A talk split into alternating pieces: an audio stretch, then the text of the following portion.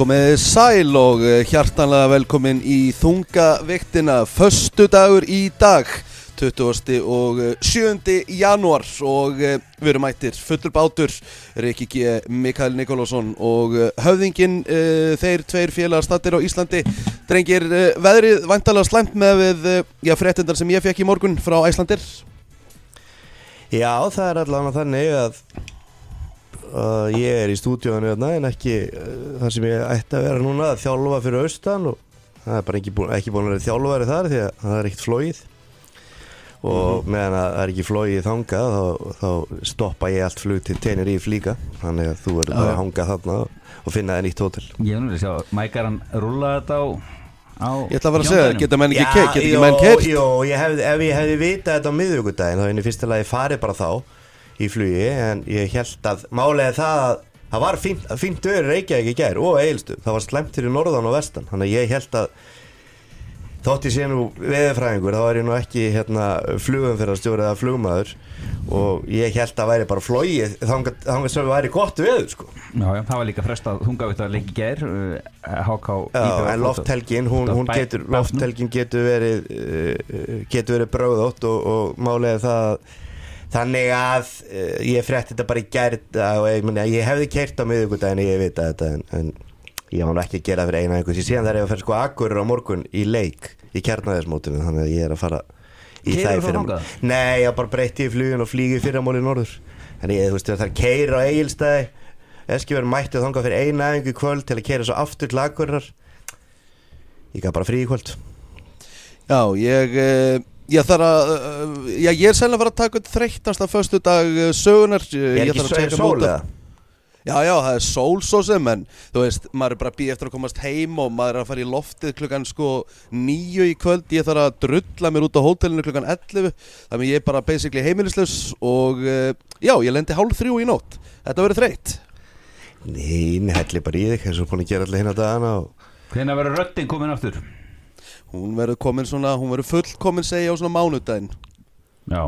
Já, já, ég meina, þú veist, nýju kvöld maður oft tekið kvöldflug heim frá bara, ég var svona helgaferðum og annað, ég meina þarna ertu bara í sól, farið bara í sólbað og, og konta eins rauður og brendur heim og ert nú búin að vera undir einhverju tjaldi alla, alla ferðina, þannig að nýttu sólina í síðustu dagana, nei, síðustu tímana Gæti farið í solbað og hlustað á mækaran uh, Drengir, við erum í bóði bakaramestarans Laka til að koma heim í þá veislu. Sissi bakari stendur vaktina Og hefur gert í áratugi Og alltaf eitthvað nýtt á bóðstólum Það, er, það líður ekki svo mánuður að það kom ekki eitthvað nýtt uh, þar. Tæknum Eh, að er að jafla á bleikum snúð sko Mér klæjar í að rífa hann á hann og setja hann í andlitið á mér hann er nú ekki byrjaðar á hann Nei, ég kann, kann ekki við að stela þessu En ég titra því miður Já, Þannig Vokon var var kannski aðeins meira við því heldur en þú stjóni Uh, Vokon og sjálfsögðu með okkur líka uh, Kóðin Viktin 25% afsláttur Nýr og glæsilur veitingastæður að opna á Smáratorki uh, En hraðari afgræsla og var hún úr hröð fyrir heldur betur. Tæknin uh, heldur betur til staðar hjá Vokon. Eitt sett súkulega með okkur. Það er eitthvað sem maður saknar hér þegar maður er að fara í supermarkaðan og tenni uh, Það er að geta ekki fengið alvöru svona íslenskt frá Nóa Sirius. Uh, og svo sjálfsögðu tryggir.is uh, einni með okkur, uh, tryggingavaktin er málið þar. Uh, uh, Mér langar aðeins að spyrja þig hérna uh, Stjáni, ég, sko, ég var nú að spila padelinn í gær. Það var nú bara helviti gaman en ég heyrði að þú hefði verið að spila padel með tveimur alvöru frægum legendum úr boltanum og þjálfara íslenska karlalagslisins, annar þeirra. Já, ég lendi í hakkavilinni frá lókarinn Því miður Ég og Það Krist, bara þannig. Kristoffer Sigurgesson heldum við vorum að fara í þægilegt gig en okkur að pakka saman náttúrulega uh, Viðarsson er í hörkustandi Gretarsson er bara skinn og bein og getur því hlaupið allan daginn sko. En okkur var því miður pakka saman en það kemur dagur eftir þennan dag og ég get lofaði því að þá verður þeim já, bíp. Það er bara þannig Tókuðu famlagi þú og Addi Vitt, uh, allir undir vinnir Já, við erum orðin bestu vinnir og þannig að ég er erfitt með að gaggrina ef Ísland fer að tapa núna en, en við reynum að halda þessu faglegu og, og skiljum vinnáttunum eftir þegar íslenska landslið er annars vegar. Hann er á leiðin til uh, Bosníu að kanna aðstæður. Já, styttist við það, við förum í það að rétt á eftir. Við ætlum eins og vera að byrja hérna heima. Uh, Heimavina höfðingjans uh, sefur sjaldan. Höfðingi, hvað er að gerast á félagaskiptamarkanum hérna heima? Það er ekkit mikið að gerast en, en það er bara þannig að Valur ætlar að sækja einhverja leikmenn og þeir eru að fara í skiptum strategíu, þeir eru alltaf verið í að sækja hérna, eldri og reyndari menn og reyndar búin að taka tvo yfir þrítugt. Þannig að það þarf að finna náttúrulega gullna meðaveg og þeir eru að reyna að taka tvo unga. Annan sem er í mennskunni á Ítalíu, Hlinur Freyr Karlsson búin að spila einhverja 20 undir 19 og 17 annars leiki fór út þarna tveir til Bologna fyrir, fyrir eitthvað klink en hann er að koma heim og vilur val frekar en breyðablík ég held að það sé staðan en það er bara þannig að hann er, getur bæðið spila á miðinu og, og bakvörð þannig að Valur er að brek, brekka hópin og svo alltaf er að eru búin að vera að bjóða í Lukas Loga í, í, í fjölni. Lukas Logi Heimisson var úti Já, ég heim. er ekki að með það í síðast Já, þetta já, en það er bara þannig að hann er komin í verkvall Nú, hann var ekki í hópi Já. gæri fjölni. Það er bara þannig að hann bara er brjálað, fjölnismenn vil ekki lefa hann fara og hann rennur út í haust. Samningur rennur út í oktober hann rennur í apríl þá má Valur semja við hann og fjölnin fær ekki neitt. En geta ekki tekið hann samt fyrir henni í haust? Nei, ekki, get ekki tekið hann fyrir haust en þeir eru búin að bjóða alvöru summu í hann. Og fjölnismenn eru bara glerharðir og segja bara nei. En það er eitthvað pattstað en þetta hlýtur að er ekki þannig alltaf mæk það er bara player power. Jú, jú, það er bara þannig en svo skrítið ef að ef við geta fengi pening það núna en ekki í apríl, hann ætla bara að taka í peningin ég veit hvað sem hann er að fara og þá þannig er líka ekki vilt að hafa óanæg Nei, það er bara ekki tækt og ég minna, þú veist, það segir sjálfur sjálft. Að, þú veist það er alveg að sama ef þjálfæri óanæði með leikmann eins og bara leikmaðurinn óanæði sjálfur, ég minna, þá bara getur leikmaðurinn ekki spilað. Og þannig að, en það sem kemur mér samt svona, veist að því að nú er þetta svona hundraðasti gæinn sem að er að koma heim og, og og ég segi nú ekki með skotti milli lappan því að þetta er náttúrulega bara orðið þannig að þessi strákar er farin út og maður veit ekki einu sinni hvað er heita sko, þú veist, maður það bara maður fréttir það bara hérna hjá stjána sko þú veist, það er ekki að hafa gert rosalega mikið, að það var sett þú veist, tvær aukarspunnir í þriða flokka eða eitthvað og þá ertu komið til Ítalju þannig veit ekki hver maður hefði endað sjálfur sko staðan hefur verið svona á þeim Já, tíma. borga með þið mögulega. Já, bara eins og þessi strákar hljóta að vera að gera þú veist, því að, ég meina, svo, þú veist, maður, en nángríns, þetta er Þessi rosalega var seldur á 50.000 euros. Já, þetta eru margir leikmenn sem að, já, þú veist, það er bara lágmark. Ég Já. man að, ég man að, eh, ég var í Njárvík strák markmaðurinn, var í Úlfana þetta mástu Já, Það var einmitt held í svipu upp að Og þú veist, það var í Pálmi? þriða flokk Já, ég held að það er 50.000 eurur Þannig að það er eitthvað lágmark bara Þannig að, þannig að ég, ég og þú hefur nú farið á allan 100 ástildi Og þannig að, en það sem ég er að spá já, Ok, þeir koma heim þessi strákar, bara eðlilega Og fyrir mér, ha, þú veist Væri þeir kominir held ég lengra Þeir hefur bara verið heima og spilað. En það sem að svona mér finnst að sum liði í efstu deild á Íslandi þurfi hreinlega að fara að rífa sér í gang. Og nú sá ég að var allir þess að hérna, óskauti framkvæmdastjóra. Og þú veist og það er að fara að rífa hlutin í gang því að alltaf er að komast að leikmenn heim þá segir Stjáni breða, hann er að fara í breðablík eða breðablík klón og ef það er ekki eins og núna hann er að fara í val eða hann uh, fer frekar í val heldur en breðablík það er alltaf nafnið breðablík og það vita allir að bara 11 menn á hópaltafellin hvar eru þú veist bara hvaða liðið var að taka? Bara IBVF fram fylgir þú veist, er ég að taka þessi kannski ekki alveg stærstu liðin. Þú veist, auðvitað líka náttúrulega KR og þessi lið, hvar eru þessi lið? Út af hverju heyri ég aldrei nafni á þeim þegar einhvern svona komið heim, það er bara breiðablík það er bara allir í öllu liðunum sko. En þá? Og þú veist, af hverju vilja þessi strákar ekki fara til hemmar reyðas í BF og spila þar? Hann var að tala um að hann vantaði miðjumann. Bara sem dæmi. Af hverju, hvað þarf IBF að gera betur til að svona strákar sem er klárlega styrkja liðið ef stild, ég er pottutur á því? Þú veist, ef þeir hafa verið að núti Er það ekki gamla góða gerfigrassi sem þeir eru að sækja í það get ég ekki mynda mér. Nei, þetta er rosalega skrítið því að hvað ætti þessi strákur til þess að vera að fara að gera í breyðablík hann er ekkit að fara að komast nálagt liðin í breyðablík þess vegna kannski velur hann fyrir eitthvað val og telur en ég held að hann komist heldur ekkit í liðið á val.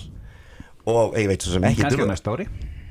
Já, en næsta ári, hvað ætlar hann þá bara að vera að spila með öðrum flokk í sumar? Eða koma frá, frá Ítalju verða á frekar átt Ítalju þannig að, ég, neða sem ég fatta bara ekki af hverju þú veist er vilja þessi strákar bara að færa í vikinga eða breðablík og svo er valur að koma og veintilega þá bara með þess meiri penning myndi ég halda. Hinn liðin eru bara ekki umræðin ekki með neitt leikmann, pæla þess í þessu?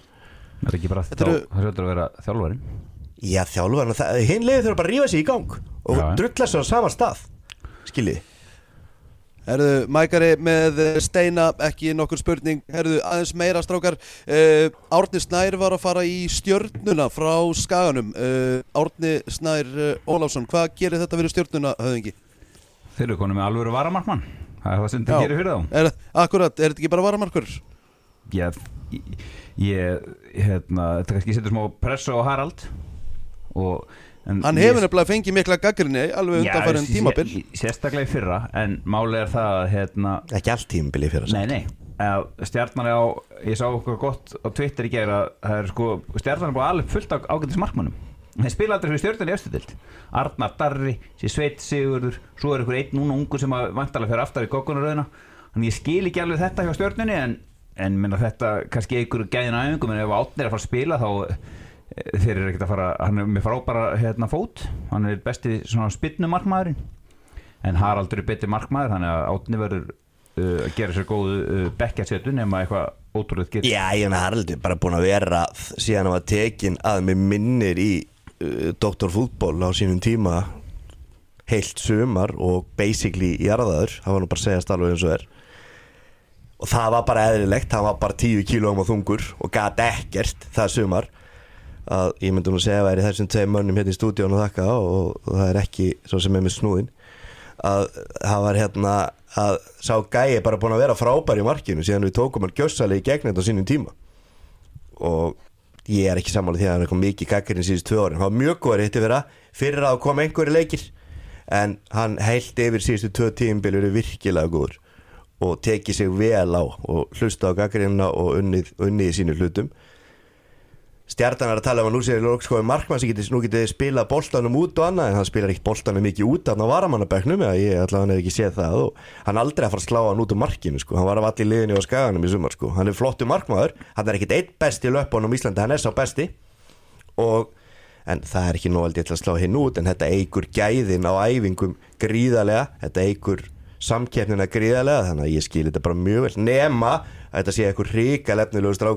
en ef hann er kannski bara 17-18 ára sem Stján er að tala um þá er þetta allt í lagi og ég veist þetta bara flott kaup hjá stjórnunni því að þú veist aldrei hvað getur gæst í þessari markmannstöðu og þú þarf bara tvo góða markmann. Og, og sérstaklega líka ef þú tekur til dæmis markmann í breyðablík sem dæmi Anton og þá Já, spilar hann er ekki betra á löpunum en átni það Nei, mikið slakari að þá, hann hefur bætt sig hann alltaf kunni ekki að sparka? Að- hann kunni alltaf ekki að sparka hann komið í breðablík sko. þú veist, þú Antonari? sást náttúrulega bara fyrstu tvö árin hjá Óskari sko, hvað hann gaf mikið að mörgum. Ég hef aldrei séð Átnars næði gefa mark. Átnars er miklu betri fótboltamærildur en Antonari en Antonari, það sem ég ætla að segja er, og tók ég bara eitthvað dæmi hann spila eitthvað einasta leik með breðablík Haraldur í, í hérna, stjörnunni, hann meiðist okkur einust tímubili og hann fær alltaf svona, hann þannig að ég held að stjarnan þurfi alveglega að vara markmann. Og þannig að þetta eru mjög góð kaup hjá þeim. Svo getur bara vel verið að slá hann út. Það á eftir að koma í ljós uh, höfðingi uh, Það er náttúrulega bara rúmið tveir mánuður uh, drengir þar til að móti byrjar. Þetta er stutt í þetta. Ég meina deildabíkarna fyrir að byrja fljótlega uh, Þungavættabíkarna er búin að vera í gangi uh, Reykjavíkumótið Hvaða liði líta bara einfallega best út í dag? Ég meina, eru það ekki bara blikandir, bara bæja, bæja mæl? Jú, ég er nú ekki séðunum lið mikið þannig að ég ætla ekki að fara að blammer eitthvað af það en þetta er náttúrulega bara það er stutt, stutt stittra en menn, menn halda í þetta. Og uh, úrstættarleikur í þungavættabekjum á miðvíkudaginn næsta F á bregðarblik, það verður gaman að sjá hversu langt F á eru konir að það verður forvitnilegt að því maður er ekkert séð til þeirra en Heimir var með hérna að að svara gaggrinsröttum hjá Herði Snæværi núna á mánundaskvöldi þar sem að hérna að kalla hann risaðilu og hérna hann svaraði bara taldi upp þess að titla sína sko. Vissi að þú ætlaði að segja þetta. Ég hef ekki búin að sjá þetta. Nei. það er líka bara eðlilegt. Já, en, en, en, en þú, þú lifir ekkert á fortíðinu, Mikael, þú veist það. Nei, Það er framtíðin. Já, en þú getur, þú getur ekki ráð svar hans. en þú getur ekki ráði í framtíðina samt. Nei, nei, en er Ætlaði það þetta og svar hans var það, ég, ég, ég glotti við tönn ég get bara Hvað sagði hann? Hann sagði bara eitthvað hey, þarf ég að segja meira? Já, já, akkurat Hann er búin að vinna jafnmarga titla og Óskar og, og hérna, Arnar síðustu þrjú ár. Sögur Aris Ferguson tekur við United núna aftur óvænt. Hvað ætlaðu allir að fara að kalla risælu að því að þú þykist sjá eitthvað í framtíðina? Hvað á hann að gera? Annað heldur en að benda bara titlan og segja mönnum að grjótalda kjafti. Sorry orðbræð, það er ekkit annað. Og gleymu því ekki að hann var, ís, þetta, mér finnst þetta svolítið annað að síðasti titil hans hefði verið með FH 2011 eða eitthvað. Gæinn varð Íslandsmeistari með val. Síðasti þjálfari sem var það. Og var ekki langt frá því árið eftir heldur. Og menn, ég held að menn gleymi því ennþá þessu 22 leikja móti 2021 að þá eru valur og toppinum fyrir 60 leikir eftir. Jú, vikingar vinna ég held að stjánaði komið punktunum daginn held í þættunum Ardari Gunnur það var góðu punktur sem er rosalega sem menn þurfa að horfa eins í. Og sérstaklega var þetta slemt í átjáleikja mótunum þetta er erfiðara núna en það hefur svo rosalótt gæst og ég vil að heyra stjána að koma fleiri dæmi að því að þau eru mikið fleiri að það hefur svo oft gæst að liða úr Íslandsmeistari bara með eitthvað rönni. Ég held að þú að vera að tala um þetta ekki? Já. og ég man bara til Viking 91 þú veist, Káa 89 Skæin 2001 og fleiri lið, bara allt í hann eitthvað rönn. Þetta voru ekki bestu liðin í deildinni. Kom bara allt í hann eitthvað rönn og það nægði. Og vikingarnir komu með þetta rönn. Var ekki vikingur 2021 jú, jú. þeir komu með þetta rönn og þetta voru með gott lið en þeir komu með þetta rönn jú, jú, blíkarnir endur endur öðru sæti en Valur var á topplum þá kallar var lítið eftir. Og ég held að máli með Hannes Þór Haldásson heimir getur kannski mikið tekið á sig hann var ósáttur við það, en ég held að það hafi svolítið eftir áhrif á Íslamistarabarátunum þá og líka er duttið að núti þessum bygg, fræga byggalega moti vestara rosa risaðila einn Íslamistaratítill og á toppunum hefur 5-6 leikir eftir. Og hvora náði betri árangur í sumar heimir eða eftirmaður hans með val áður hann var reikin heimir kom, var í þriðja sæti sko þegar hann var reikin eða eitthvað. Þriðja fjóra sæti held ég, hann var allan með 21 stig eftir einhverja 10-12 leiki. Þannig að hann alltaf hlæra uh, svona pjökkum eins og ég kallaði þetta sem að eru að hérna, henda einhver á hann og, og bendir að sjálfsögja tillanu sína. Það er bara þannig, herðu við ætlum að uh, færa En ég er sammálstjána því spurningi var að það er náttúrulega auðvitað í liðan spilamóti hinnum og þessum og ég minna en það virðist að bregðabli sé bara alltur staðaldur í liðin í dag og það skiptir engum alveg hverju inn á hjöðum og þetta er en þeir eru að vera stótt takk bara setna á alveg og keiri við liðin. Það eru tveir leikir á morgun. Bregðabli Káa Já. og bregðabli Njarvík Ok, og bregðabli vant að alveg með bjelið á móti Njarvík Ég veit ekki hvernig það gera þetta, það var tveir leikir á morgun. Já og gaman að sjá hversu langt svo geta menn mætt í, í, svo geta menn mætt í bógan kl. 5 á morgun. Viti hvað allir greiðast kikir á bregðarbleik Káa og rýfur kannski síðustu nývan á bækinu Allir greiðast, hann kemur kannski bara norður og tegur kaffið um eitthvað. KFA, KF kannski sér hann eitt, tvo leikmenn sem hann getur keift hann í val unga, feska, stráka. Ef hann vill ekki vera koma meðalaldurinnum undir 40 ári í sumur Nei, nei, en þeir líta langt best út og ég hef ekki ágjör af vikingunum þráttur að tapa að það veri káar en önnu lið bara er algjör spurninga var ekki en ég menna að deildabíkarnir byrja til tvær vikur. Akkurat Eftir viku? Næ, tíund held ég. Nei, nei, Breðarblik, Selfors Breðarblik, fjóruða feb Þá var það eitthvað leikur sem er farið fram Já, já, farið Já, farið, ok. Það er út eitthvað utan svo er það Breðarblik vantilega strákar, förum í landslið uh, stittist og stittist uh, auðvitað í undan keppni Európa Mótsins þar sem við ístendingar verðum í eldlínunni. Strákar, sko mér langar að fá ykkur bara byrja á þér höfingi hvaða lið vilt þú sjá gegn Bosníu 2003. mars? Hva, hvað leikmenn, hvað 11 leikmenn viltu sjá? 2003. mars? Já. Ok. Þetta er ekki flókið ok. Eins og staðin núna, ég gerir ráð fyrir að flesti verið heilir. Já, bara reknum með því, reknum bara með því. Og þá er ég bara með þetta hefðbytti fjóri þrý þrýr og ég er með Rúnar Alex í markinu, hann er eiginlega sjálfvalinn mm -hmm.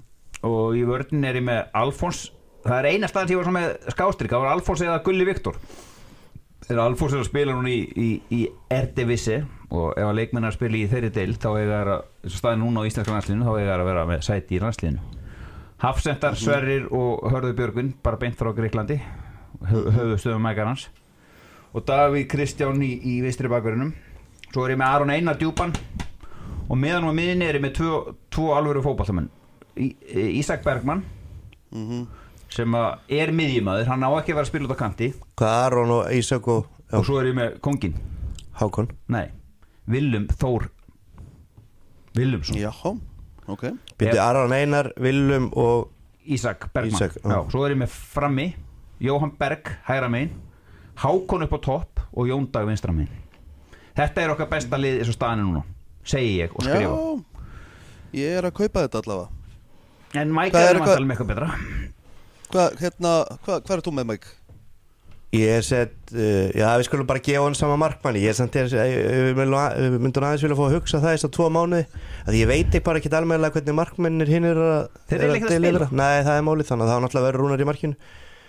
Ég held Alfons verði í hægri bakverðinum Ég myndi setja Hörð Björgunni verið í vinstri bakverðin Og uh, Guðlu Viktor í hafsendin Með honum hérna Með honum Sverri.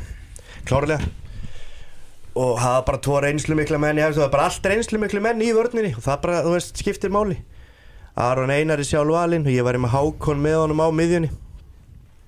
Þannig ég myndi hún breytur sæðins ég væri með sömu vangmenn, Jóhann Berg og, og hann hérna Jón Dag. Jóndag ég er hrifin að þessari villumpælingu ég var nú reyndar, ég hugsaði þetta eins í gær. Ég var nú búin að setja Arnór sig þarna en ég ætla bara að skal vera sammála bara stjána þar. Og setja villum í hérna það er villum eða Ísak. Ég myndi uh, í hérna fyrir aftarsendirinn svo myndi ég að viðaröð kjartan svo frammi ég myndi starta honum í þessum leik og ég myndi hafa eiga sem sagt hérna Albert Guðmundsson og Andra Lukas Arnór Sigursson, þessa stráka og jafnvel Ísak. Ísak þá eða viljum alla feska á bekknum til að brjóta leikinu upp eftir svona 50, 60, 70 mínútur þegar við erum búin að koma okkur 1-0 og þeir eru búin að jafna að þá er gott að geta brotið En leikinu er upp. Albert búinn að ringja? Nei, Ég ég, ætla bara að segja það. ég, ég vil bara að hann að geta að ringja ég meina þú lítur að vera búin að ræða þetta við Arnar í patilin í gerð og klára það mál við þurfum bara allar okkar bestu menn og við þurfum ferska menn af bekknum sem get, því að sko, ég meina Albert Guðmundsson og, og ég meina þetta er einum leik og Andri Lukas voru frábæri saman í einum leik en ég held að þeir henda ekkit endilega þessi strákar í byrjunliði núna. Jú, Albert ef hann er heill og spilar þeir sem var að gera stundum Ítalju þannig að ég, þetta er svona þessi 15-16 manna hópur sem Svo ég með þurfum með Alfred Fimboðsson líka. Já, hann er ekki að fara að spila hennar leik. Hann er ennþá meittur held ég og, En ef að hann er, þá er hann bara inn í þessum hóp. Þannig að við þurfum líka að hugsa þannig Hver er best að byrja? Ég held að við erum Kjartansson. Hann er, að, hann er í erfiðustu deildinni Af þessu semturum Og hann er alltaf að skorin á milli. Góða punktur. Og af hverju getur við erum Kjartansson Komið Jóhann Berg hægra megin og Jónda vinstra megin? Af hverju getur hann ekki lauma en einu til mörgum Með hann fara að spila? Mér held að það sé bara ekki verið ekki valin í hópin Það Nei, þú ert að spyrja hvernig ég myndi stilla þetta. þessu. Og síðan áttu Þú veist, í Andra Lukasi eins og ég segi, Ísæki og Arnóri, þú veist alveg frábæra varamenn myndi ég segja sem geta síðan bara sem spila fullt að leikjum þessari keppni og í byrjunliðin þessum leik þurfa að vera með festu, reynslu mikið lið festa mér, þetta er algjör úslita leikur strax í byrjun. Kannski jafn mikið úslita leikur, ungverða leikurinn í handbóltanum en þetta er mjög mikilvæg leikur. Ef við fyrir að tapa þessum leik þá eru strax konið í smá brekku. Þannig að ég myndi reynslu mikla menn feska menn, stjáni, næsti patel með landslýsórvarnum, þá ferði yfir þetta sem ég er að segja eða segja þér bara að hlusta. Og ég held að hann geri það núna. Ég held að Arnór Röðarsson muni góðum á góðum árangri í keppninni. Ef þetta verður svona sirka lið og hann sé með ferska leik með að koma inn og brjóta leikin upp. Hann hlýtur að kíkja eitthvað yfir til uh, Hollands og skoða að viljum Já, Gaumgerð það getur líka bara kíkt í kynnagötunni ég skal bjóða hann í kaffi sem meistara og, og, og fara yfir þetta og ég get alveg tekið hérna landsleik með honum sko. Þau eru ekki frí hérna við austan í eina helgi. Er þetta ekki um helgi? eða hvernig er þetta? Fymtudegi Fymti, já. Ég get tekið hérna leik með honum. Og að vinna hérna leik. Nei, ég meina það þarf eitthvað að gera þú veist. Og, og ég meina var ekki einhver að tala, ég meina Viðar Örn er ekkert búin að vera í hópaðna í marga leiki röð. Við erum ekki búin að við erum basically hans klikkaði víti síðast og, og síðan hérna fylgdi hann eftir. Fyrir utan það er sex leikir röð alltaf búin slökulegum, ekki eitt mark úr opnum leik, bara vítaspunur og svo þetta sem var klikkað og fylgdi eftir. Come on, við þurfum breytingar. Come on, við erum að drilla.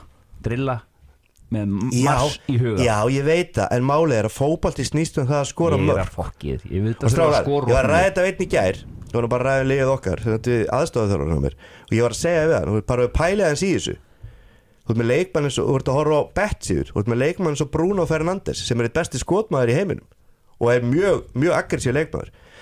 Hvað heldur, þú veist, þið að stuðul til dæmis á, á leikmann eins og Bruno Fernandes að hann skjóti á markið sjálft yfir einu sinni í leik fyrir leik er, Svona 2 og 20 nei, 5-6 að það sé yfir 1,5 skot á Já, markið. yfir 1.5, já, Já, þá þarf hann að gera tvö skot á markið. Það er ekkert, þú veist, Ri- Rikki verður ekki skora markið fótbalt ennþá. Skilur þetta er ekkit svo auðvelt. Og málið er það að Viðarður Kjartason getur gert þetta. Já, já. Það er málið, hann þarf ekki að hlaupa mest. Hann þarf að byrja, skora eitt heiðuskipting Það er uh, þannig uh, strákar förum í deildabikarin uh, Manchester United og Newcastle í góðum málum og stefnur allt í að það verði úslita leikurinn.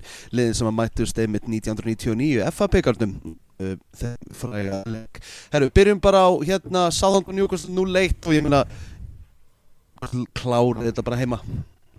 Já, þeir klára þetta fyrst að var, var, var hjálpaði þeim. Þeir skoruðu löglegt mark Sáhantun þar sem að Dan Byrne setti boltan í netið, en þetta er bara enn einn var skitan en það einn við er held ég nánast búið en hitt einn við er 100% búið eins og Mike hefur oft á tíðum sagt. Og það verður spennandi, þetta er náttúrulega bara strax á þriðjudaginn setileikurinn hjá fyrir norðan og svo uh, Old Trafford á miðvíkudaginn En það ég ef að, Ten Hag kvílir ekki núna um helgin og, og, og miðvíkudaginn þá kvílir hann aldrei hann kvílir eitthvað á miðugut en hann kvílir ekkert um helgina. Ég er alveg búin að lesa hann í tætlur sko. hann bara, ég er ítlánaði með hann sko. Jú, hann, veist, hann, hann hefur efna á kvíla á miðugutæn veist, þá verða makkvæðir, hann var eitthvað í leikbæni í þessu leikarn sem hefur mjög að spilað. Og Lindelof og uh, Fred og McTominay Elanga og einhverjir gæðir spila leikina, hann mun samt alltaf vera með einhverja byssur með þeim, hann ætlar ekki að taka neina sjensa en ég ég held líka bara að hann átti sig á því sem að margir virðast ekki átt að sjá að það er best fyrir þess að gæja að vera að spila. Það er bara þannig. Og, og hérna, þannig að hann er, all- hann er ekki að fara að kvíla eitthvað leikmann laugata og miðugata svo bara mætir hann helgin eftir ekki búin að spila í tvær vikur sko.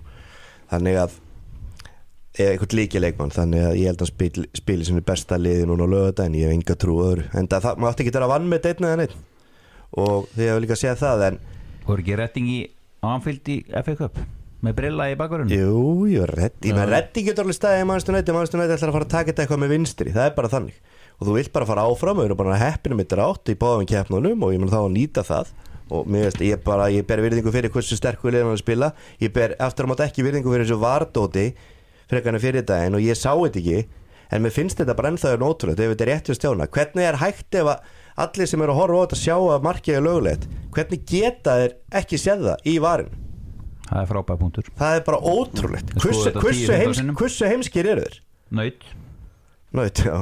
Það bara lítur að vera Því að ég sá þetta ekki. Ég, hérna, var, í, ég var í flugi já, þegar þetta var.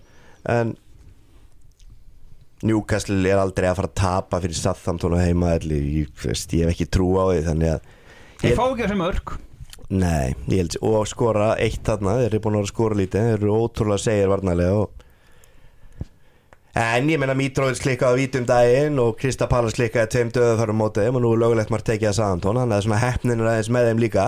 En er þetta ekki bara draum úrslalegur?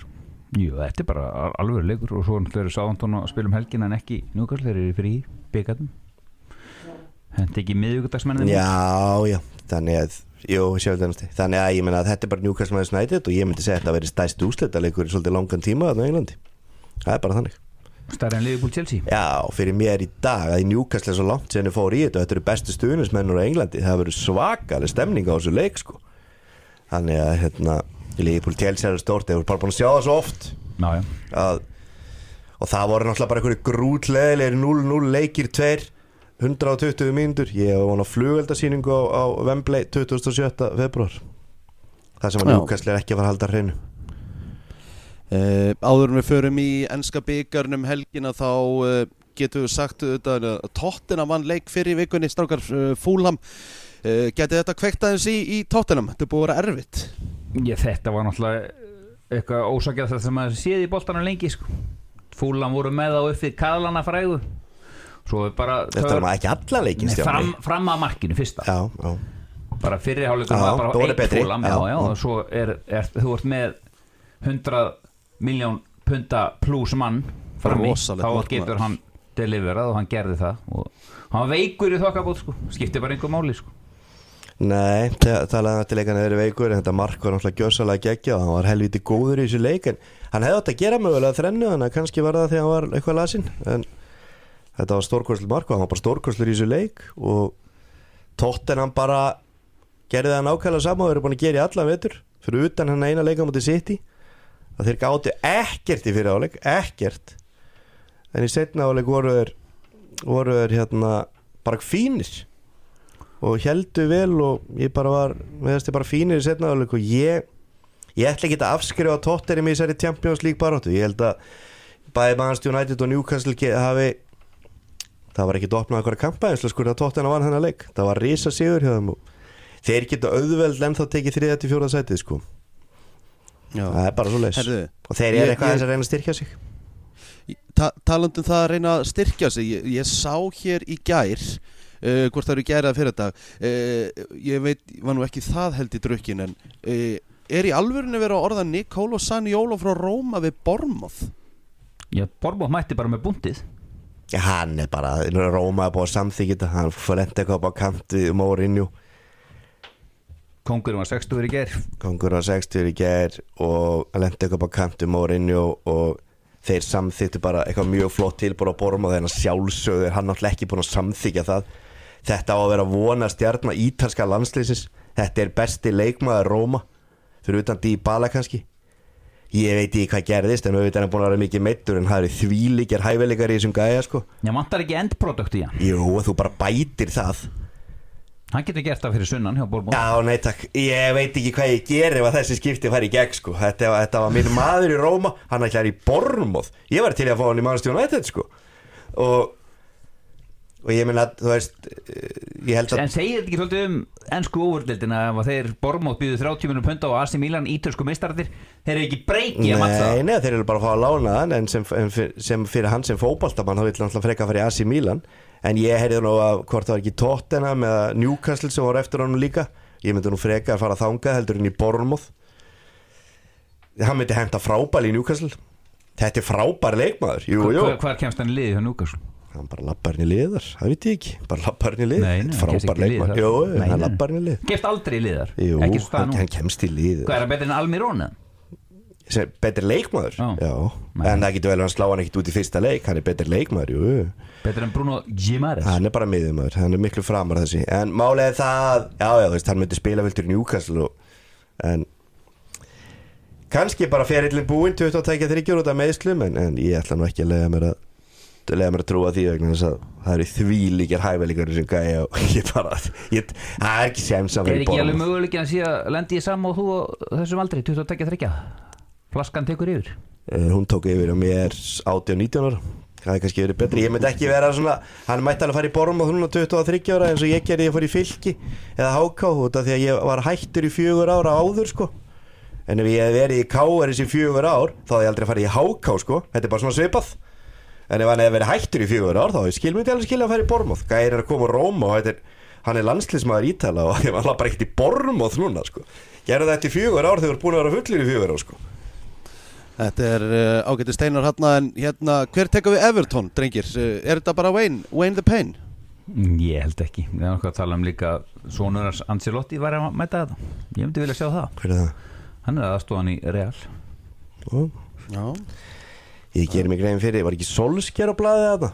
Mér Guð finnst- blessi þá Já, ég sammála því en fara í solsker Já, já. Er einhver góður hægi hann í liðbúl til að setja rollur á beita Ég veit ekki hvað er gera. Þetta fer náttúrulega bara alveg eftir hvað hérna hver, hver er stefnan? Þú veist, er stefnan að reyna að fara að búa til eitthvað lið og reyna að spila eitthvað skemmtilegan fótbolta og bla bla bla og nota einhverja yngri gæja hvernig sem það er? Eða bara stefnan núna, bara hardcore að halda sér uppi með reynslu? Hvað er stefnan? Er Sam Allardyce eða Dyche eða þessi gæjar? Eru þeir Það er eiginlega verið að staðfesta Sjón Dæs Já, ég held eftir að hann kom að það sé nefnilega stefnan en hann hlýtur bara vera samningur út, út tímabilið sko. Þannig að, og þetta er Everton. Og ef ég mann rétt þá er Everton aldrei fallið. Er það ekki rétt hjá mér? Rétt. Já, þannig að það er helviti, ég held sé eina liðið sem hefur aldrei fallið. Ég held það, hvort Arsenal sé þarna líka? Það er ekki alveg kláður Skype Sport var með þetta áðan sko. Hann Já, þannig að þú veist, aldrei fallið og ætlaði að fara að falla núna þegar allt þetta ennsku úrvarsleildin er svona stór í fyrsta skipti.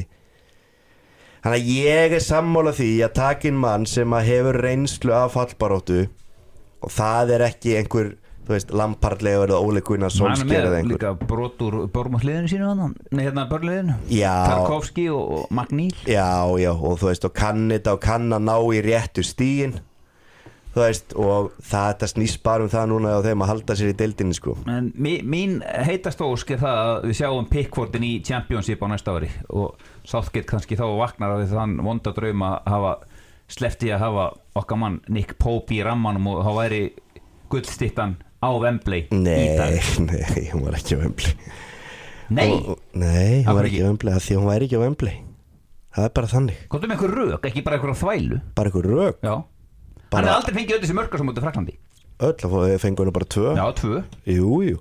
Þegar ég er búin að segja þetta í þættu og mann gleyma að Pope fekk tækifæri í leikjum þetta fyrir, fyrir mót og, og hérna skeit líka einu sinni sko. skeit gjössal upp á bak þannig að, að, sjálfsögja væri það ekkit heimsmest að annar í markinu. Mögulega að fótinn og rassort hefur spilað allt mótið þá hefur kannski gengið betur en ekki með það er engum málskipt en að heilt yfir þá englendingar hafa ekki verið heimsmeistarar síðan við fættumst allir eða Evrópameistarar með neitt markmann, það er engin markmaður orðið það, og Nick Pope var ekkert að vera það heldur. Þetta snýst um allt annað heldur en það sko. Og Stefáni veit að manna best. En uh, Pickford verður náttúrulega aldrei í Champions í deildina, fyrir náttúrulega alltaf í liði í efstu deild ef að þeir falla. Herðu, drengir, uh, enski byggarinn, svo elsta og virtasta og í kvöld, alvöru leikur. Mannsættir sitt í Arsenal, hvað eru að fara að sjá þarna? Ég er að gæla við það að skiptunum verði kiftnir á jörðina Er það ekki bara ennþá líklega að það er verið englansmeistar? Eða þeim eru kiftnar í jörðinu í kvöld? Nei, þá kannski sjá sitt ég menna og þeir sjálfur að þeir séu brotættir og einhver tíma, ef þeir, ef þeir fara á eh, empty hat og, og ná í, í miða í næstum verð þá getur þess að tekið þeir döbul Það geta tekið dópalega. Þá væntalega þurfa að fara að spila sömu leikmönnum. Já, það er, hvað, er þetta 30 tekja ljóslið? Nei, þessi er ekki þetta í já, 60 þar, 30 tekja. Já, þannig að 32. það er bara þrý leikið viðbútt anskotin hafið sko. Þetta sé bara út úr þessu Jórópa kæfta Það er fjórar viðbót.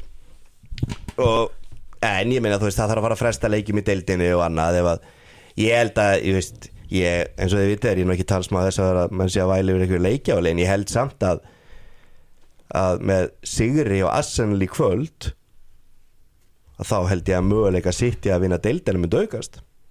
Ég held það. Og, og hérna, ég maður bara í fyrra þegar að mér finnst þetta bara mjög svipa dæma í fyrra þegar að allir púlarnir hlup út á götu og, og ég ert að fara inn í Nóa daginn eftir að koma nýja síma því hann brann símið minn þegar að sitt í datt út þarna fyrir real í restina munni. Já, já. Þeir heldur að vera orðnir Evrópumestrar uh, púlarnir sko. Og ég var að útskýra fyrir þeim í fyrsta lagi mun þetta gera það að verkum að sitt í koma trilltir í deildina og hyrðan af ykkur og öðru lagi að þá vinni þið aldrei real þannig að ég myndi koma út af þessari götu og kom farinir á jörðina. Og hvað gerist? Við horfum úrstæðleikin saman. Já, og ég fekk nú reyndar brann annar sími hjá mér daginn eftir. Ég ætlum ekki að útskýra að það var en, en hérna menn voru ósáttir við hvernig ég tæklaði þann leik og stjáni eftir leik. En ég tæklaði mun mun hérna rólegra heldur en að þeir gerðu þeirra reals og ég skildi þetta aldrei því að ég ég segi það fyrir mér þá fekk bara sitt í blóð og tennuðar en nú yrður að vinna titilin og það er það sama núna þeir myndi dett út úr Arsenal á eftir, nei í kvöld. Og og þannig að ég held að en ég held að sitt í slá Arsenal út í kvöld ég held það. Þeir eru að heima alli og, og en það er eitthvað við sem sitt í og það er verið að tala um að fimm leikmenn séu óanaður og þetta les maður þetta bara einhverju fjölmjölum en þegar þú lítur á nöfnin þá kemur sérstaklega ekki óvart með Cancelo og Bernardo Silva. Og þetta er mjög skrítið með Cancelo mjög skrítið. Var hann- frábæð fyrir háum? Já, það er málið. Og líka geggjaður í fyrra og bara alltaf verið geggjaður. Og það er ástæða fyrir að hann er dýrasti varnamaður hann í þessu fantasy-leik það er út af því að hann er að skora og leggja upp sko. Og þú veist, er góður. Já, já. Og svo er Bernardo Silva, hann er komin aftur einhvern veginn aftar í gókurinn, hann kemur inn á þeirri 5 mínútur eftir og 3 mínútur eftir. Fóten, kannski aðeins búin að sparki raskat ef Fóten og sjálfur sér svona undafarið en eitthvað sé að meittur en mjög skrítin meðferður og honum. Hann gerir hérna þrennu á móti United til busta og frábær og svo einhvern veginn hefur hann ekki spilað bara. En ætli Arteta, hugstu þetta þannig Ég dreifi bara álæðin í kvöld. Ég Öll mín áhersla er á Ég held ekki, ég, ég gerir mér ekki alveg grein fyrir en ég held ekki. Vegna þess að þeir eru, það er engin leikur held ég næstu viku. Það er ekki leikur fyrir aðra helgi það að bara deildabyggarinn aftur og hann veita að þú veist, ef þeir tapa bara 3-4-0 fyrir City þá gæti orðið sárrænt sko. Þá er líka í mjög fljóta í dildinni sko. já, já. þannig að nei, nei, ég held að hann mæti bara með sterkast hljóð, hvað heldur að Öðegard eða Saka eða, eða hérna Ramstel eða einhverju verið eitthvað sáttið þá? Er á bekknum í kvöld, þeir eru bara að spila þennan leik og byrja bara einvíin við City. Þegar það eru þrýr leikir núna við City allavega, já þrýr leikir. Og þú veist, dutt í deildaleikin og þeir eru bara að byrja einvíin, þeir eru bara síni í kvöldi séu bestir, þetta verður geggjaða leikur en því miður fyrir, ekki- er ekki verið þig þá verður þú ennþá þetta flugveld að byggja til flugveldin tekur þetta í Er ekki pöpp á flugvillum á tenni sem sýnir Jú, þetta? jú, ég held það. Nei. það er bara, Nei, það er, það er svoleiðis. Það held ég ekki. Ég, ef allan að þá, þá bendur mér á þann pub því ég hef komið oftar en til tjeneldur en flestir íslendingar og ég hef aldrei fundið þennan pub En það er alltaf verið að stækka um flugvélina.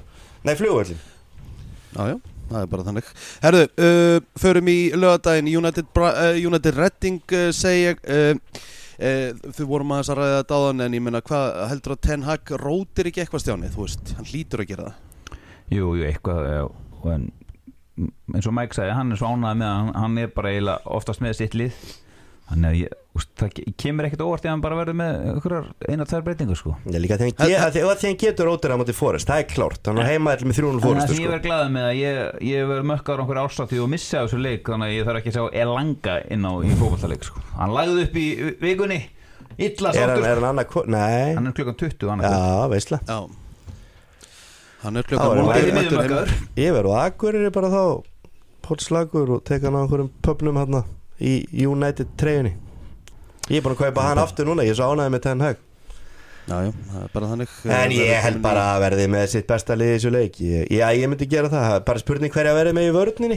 Það er að kvíli mann eins og Rashford. Nei, hann ég fekk eitthvað högg að það Já, þú veist, ég er hrættastur við hann. Hann er svona einhvern veginn leikmaður sem United náttúrulega alls ekki missa. Það er ekki gott að missa Casimiro eða Varan eða eitthvað svona.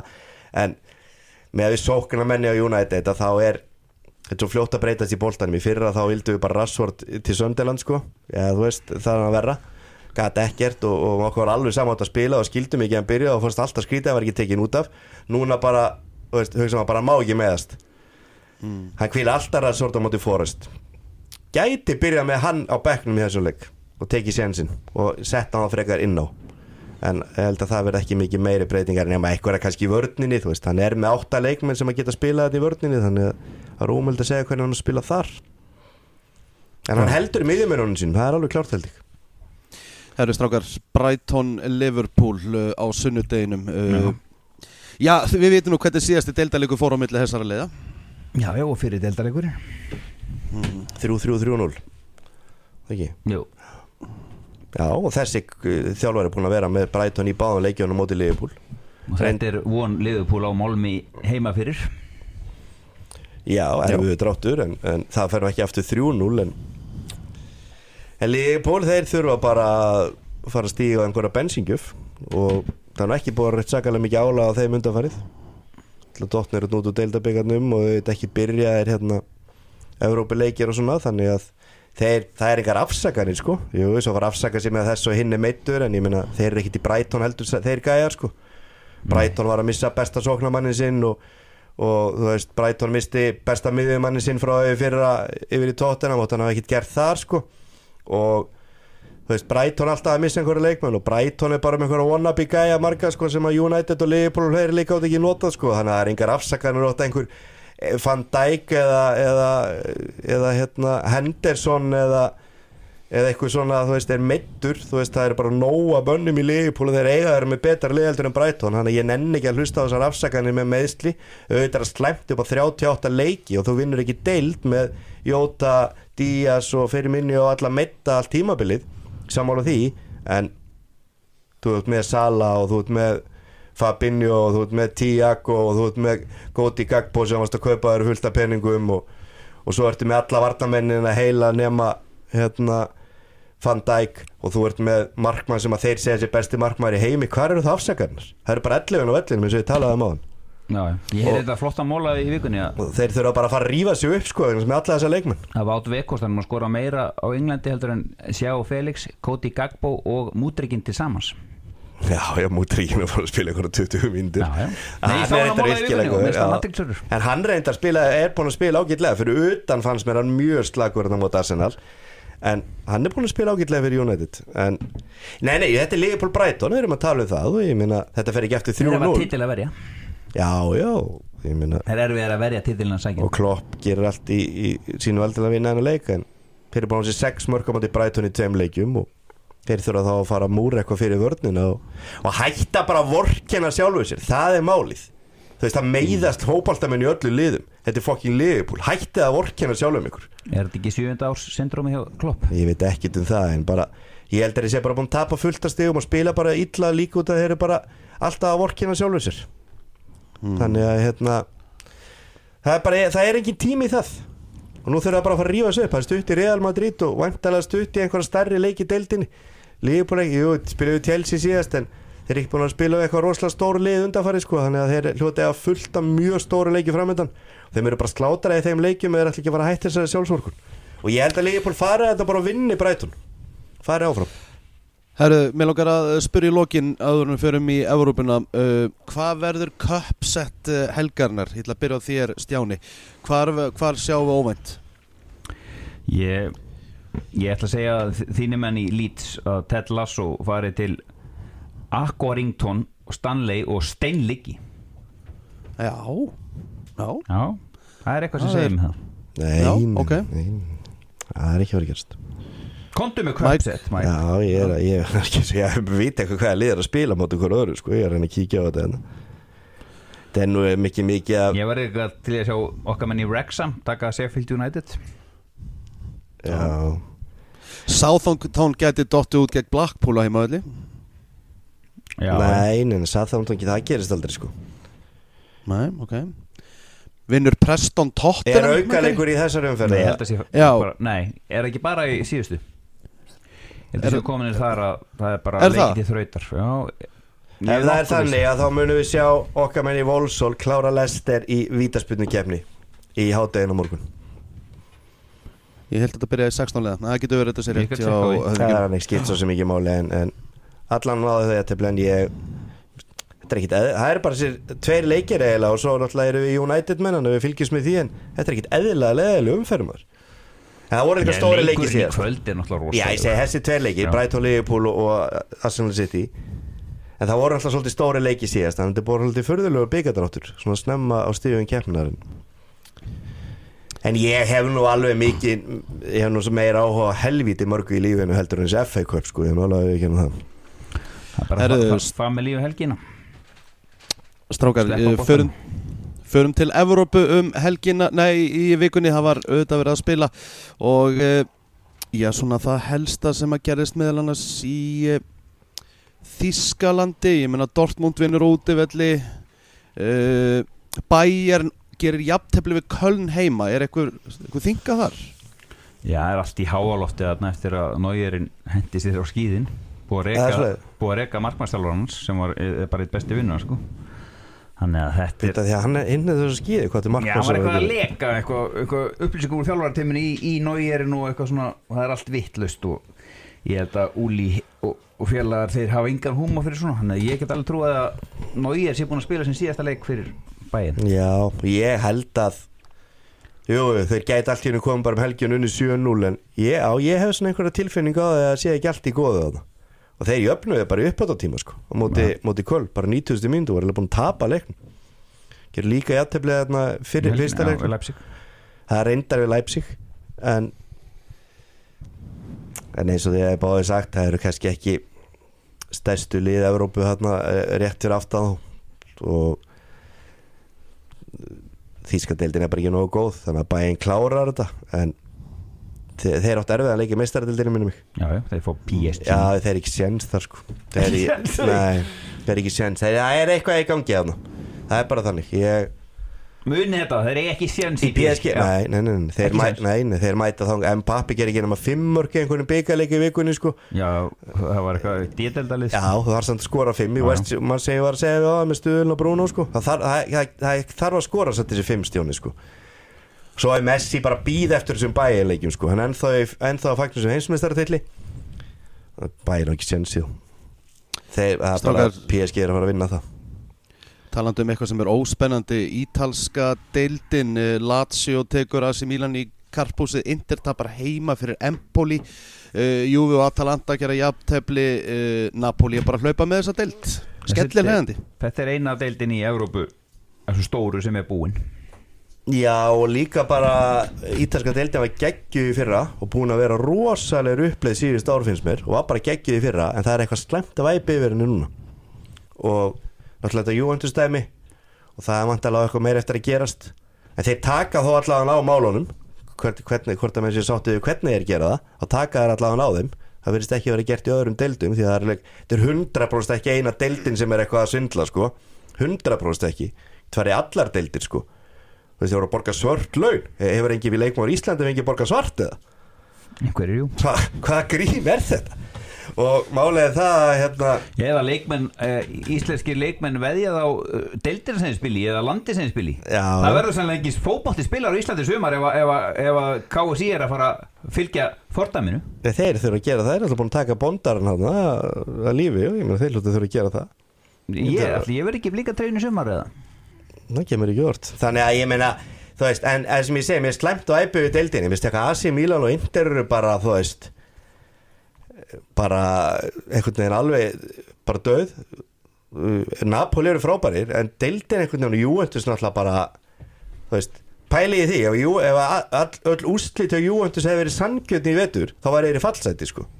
Mm, Alltaf framan á Já, þeir hafa bara ekkert getað en þeir eru samt, þú veist, þeir fóru ekki lengar niður út af því að hérna út af því þetta fór svona.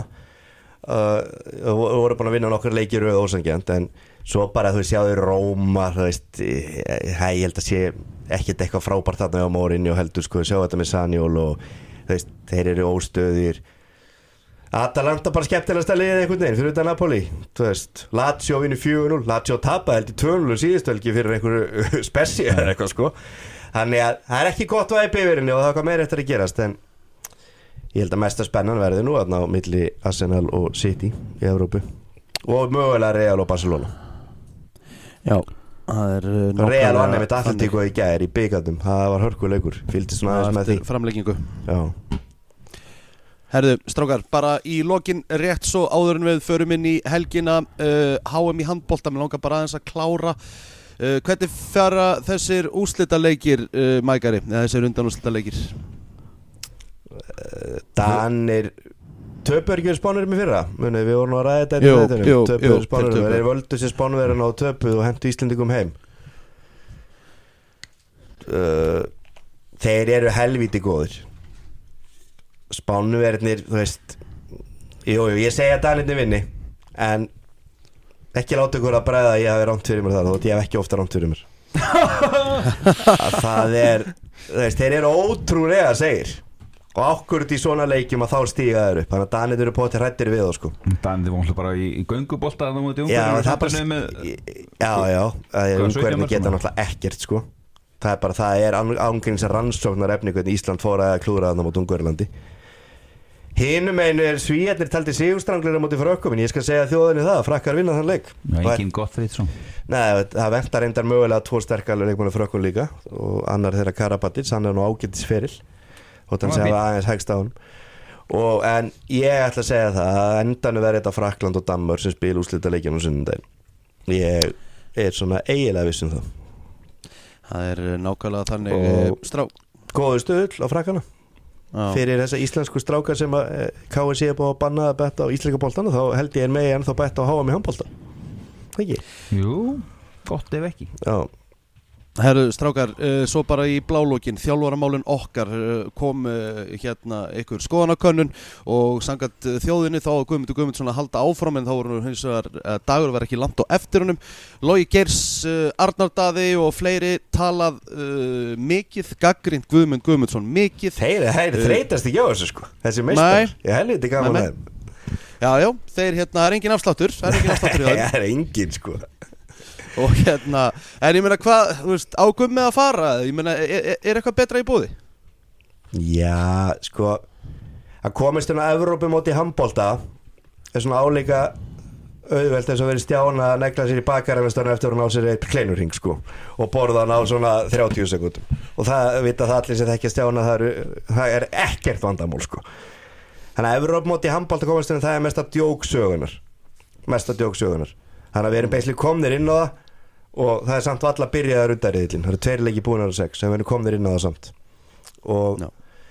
þannig ekki fara að koma með þetta. Við komumst alltaf á öll stórmót. Til að komast á HM þarf þetta svo að vinna eitthvað eitt lið heim og heimann og oftast vantar þá tíu bestu liðin inn í þá jöfnaði þau komast beint í gegnum eitthvað Európmót eða eitthvað, skiljið hvað ég meina? Eða, eða 5-6 lið. Þannig að þannig að komast inn á þessi stórmót í handbólt er bara grín. En það sáu þau líka hvernig mörg liðir voru á HM í, í handbólta þú veist, þau myndi ekki vinna fjórðaflokki á val sko, sum liðin þarna.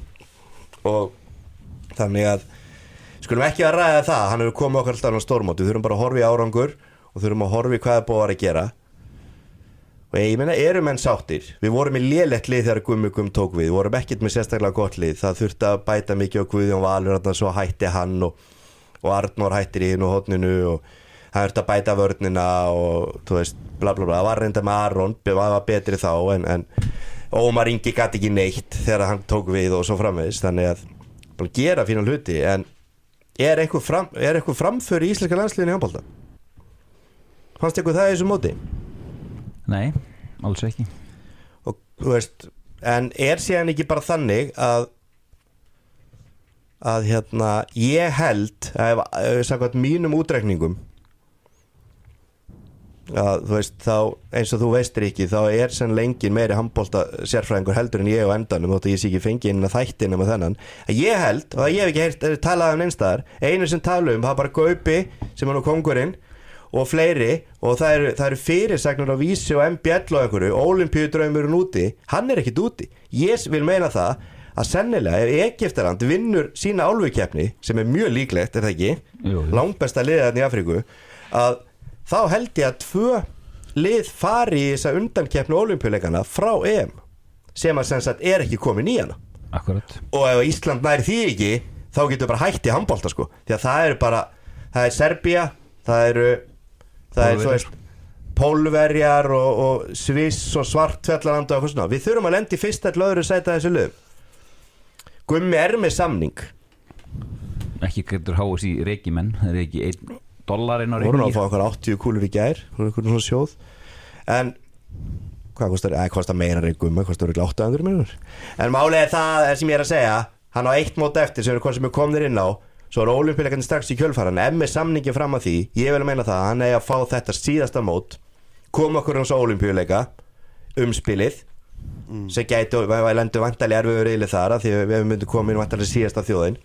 Og koma okkur í gegnum það og klára á olimpíuleikunum og þá þannig líka bara skila medalju á næsta ári. En ég ætla bara að segja eitthvað þess strákar eins og ég var að horfa á Spán Noreg og svo var ég að horfa á Þískaland Frakland jú, við, þó- við eigum alveg breyki þjóðverðina þeir eru með lítil hóp eins og Alfred sagði. Við eigum bara ekkert breyki þinn lið. Ég var að horfa á Spán Noreg. Þetta er bara miklu betri lið. Þau eru betra formi, spila betri vörn þau eru miklu betri skittur þeir eru sterkari þeir eru bara betri heldur en við. Og ég er að sjá þetta á móti eftir móti því miður áttu við eigum einn og eitt leik þannig að það er bara margt sem það er að bæta en leikamennu þurfa að gera það líka.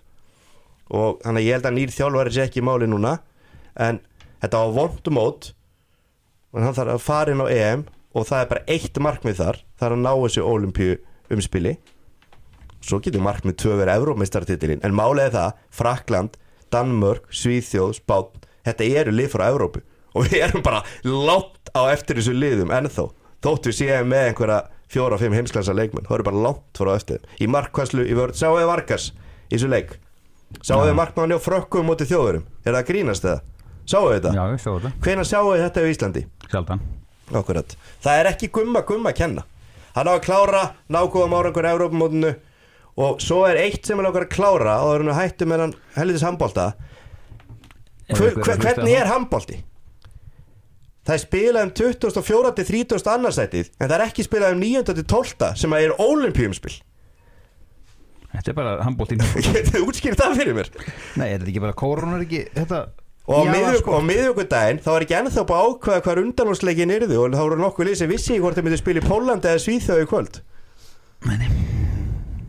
Þetta er handbólti og þegar þetta er svona að þá ætti náttúrulega ekki að kosta króna að reyka þjálfara sko en Gummi verður bara áfram klárar EM í stæl. En það verður pressa á hann þar. Takk. Það er bara nákvæmlega þannig.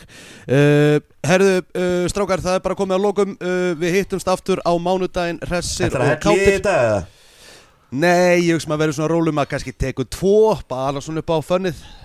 Það duga þér. Já, dugar, dugar, dugar í gaman að og- okkur svona Instagram-vídeó eins og hjá Gilsarunum frá þeir í dag. Já, Er já, það ég- möguleiki? Já, já, ég skal græða fyrir mækan Ég tek eitt tvö fyrir þig. Takk. Já, ég beða heilsugur drengir, verið sæl. Blessaður